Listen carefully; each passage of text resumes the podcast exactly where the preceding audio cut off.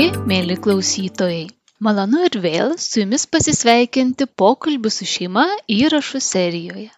Aš esu Evelina Rimkutė, kartu su savo namiškiais pasakojanti jums mūsų šeimos istoriją ir puoselėjimus prisiminimus.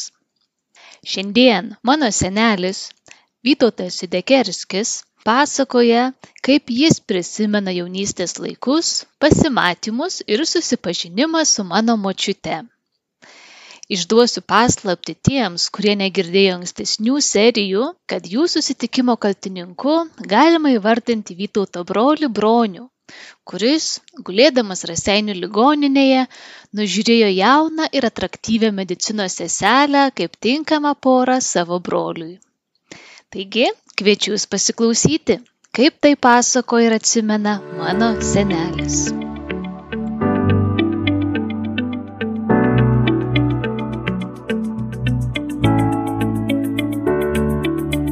Smagu, seneli, vėl su tavim tęsti pokalbius. Labai įdomu bus išgirsti ir tavo prisiminimus apie tai, kaip susipažinai su močiute, ką tu atsimeni, kokia jūsų istorija.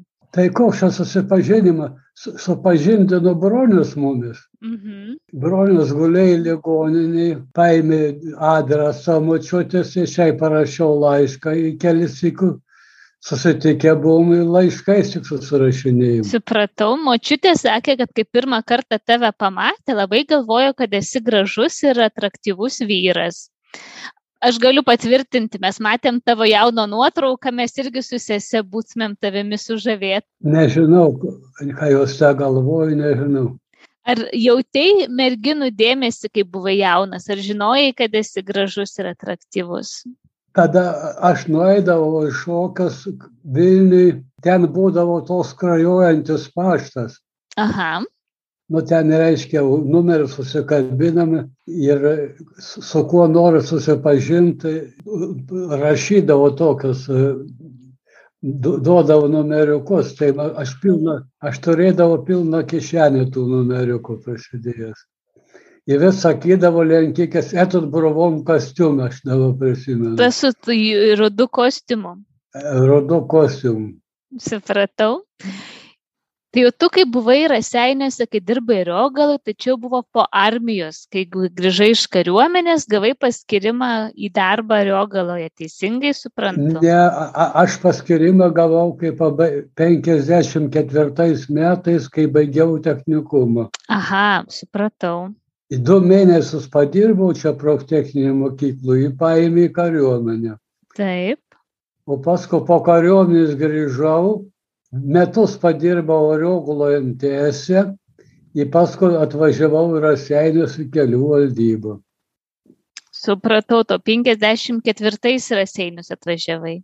54 ant rugsėjo 1. Ir kada, kada susipažinai su močiute, kada tas nelemtas ar lemtas broniaus apendicitas į ligoninę atlydėjo? Nu tai tik tai buvo 58 metais. Tai kaip tais laikais vykdavo susipažinimai ir pasimatymai? Ir būdavo įprasta va tos laiškus rašyti?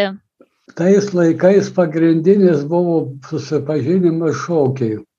Mhm būdavo kaime šokiai, pas pa, pa žmonės būdavo kaime šokiai, būdavo, o mieste, o mokyklose, technikumuose, universitetuose kiekvieną savaitgalį būdavo šokiai.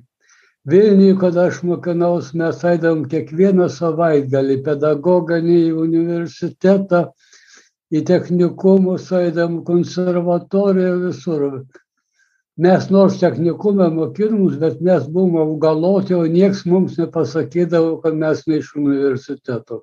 Aha, ir tada va močiutė pasakojo, kad jūs ir buvot suspykę ir po to vėl kažkaip susitaikėt, ar teisingai? Nu, paskui mačiutė, mes skambino į darbą, pasikvietė į namus ant kalėdo ateiti. Aha, tai tu, tu nevažiavai namo, buvai likęs raseiniuose? Nu, tai aš dar, aš dar augaloj dirbau. Aha. Kai mes susipykom, aš dar dirbau Riogalui. Aha. O, o pa, čia buvo lapkričio mėnuo, o paskui aš atvažiavau į Raseinius gruodžio mėnesį.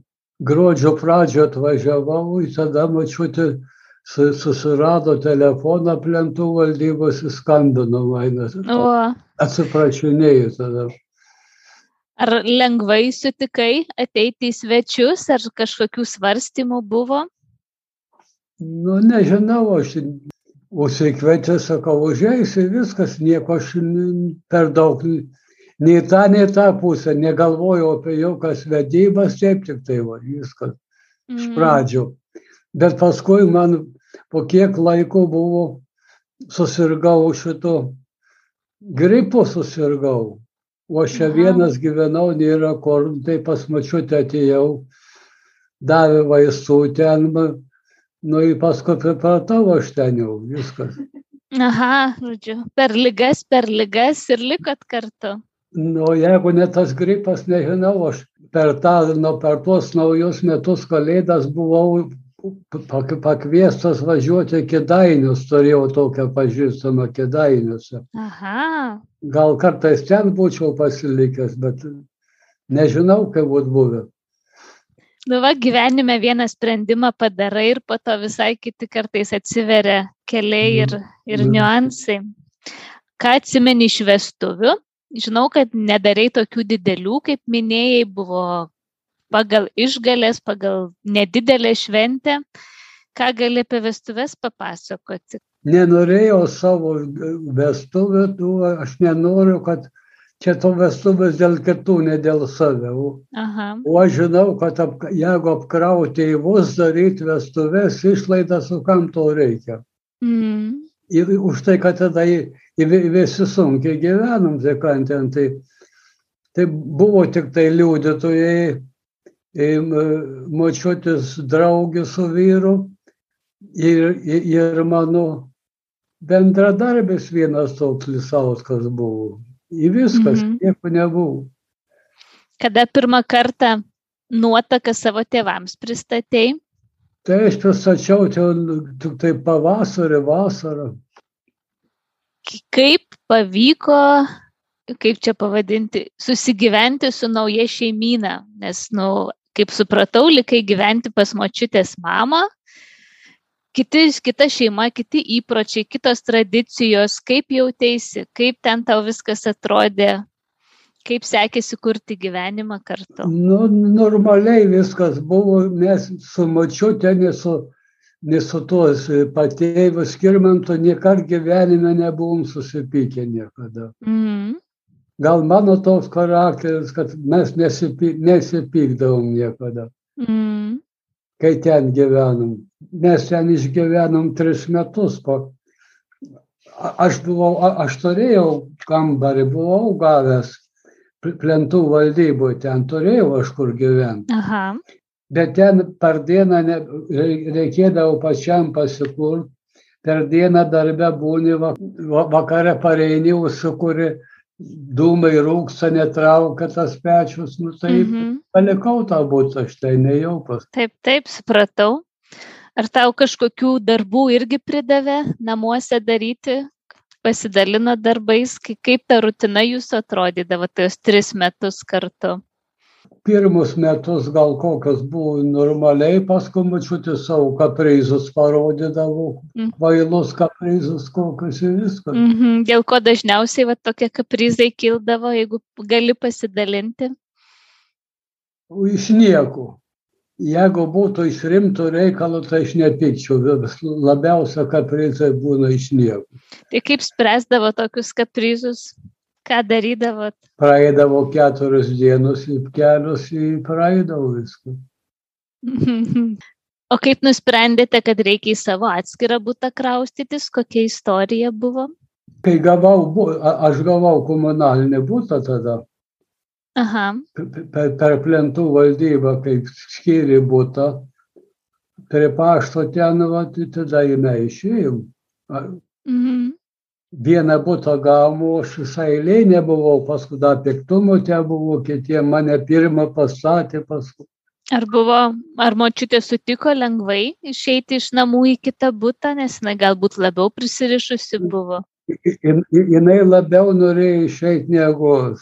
Aha, atskiriau gyventi. Nu, va. Tik paskui mamą reikėdavo, kai eidama į darbą, tai reikėdavo nuvežti pas močiutę, kad būtų. Aha, prižiūrėti. Ar, ar darželių nebūdavo, ar kodėl, ar, ar kada čia mamą veždavot pas močiutę? Nu, kad nežinau, gal būtum, kad mes nelabai tą darželį norėjom, kad čia pas močiutę gal, ne, gal blogiau nebuvo. Aha. Ar pažinojai kitas močiutės arba mano prosenelės giminės, va čia močiutė trumpam apie dėdę Julių, dėdę Antaną užsimindavo ir irgi teko su jais pabendrauti. Aš kaip pirmas šį, kad važiavau pas močiutę į pasimatymą, Aha. tai kai tik atvažiavo tą vakarą Julius iš Vokietijos. Aha. Jis jau buvo Vokietijoje ir dar tuomet ne. Jisai Vokietijoje gyveno. Aha. Nu, kai tik iš Vokietijos atvažiavo Julius, tai pirmas pasimatymas jų buvo.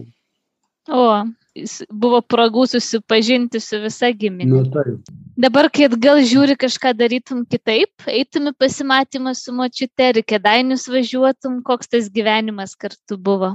Kai buvo, tai buvo, dabar jau sunku pasakyti, kas buvo.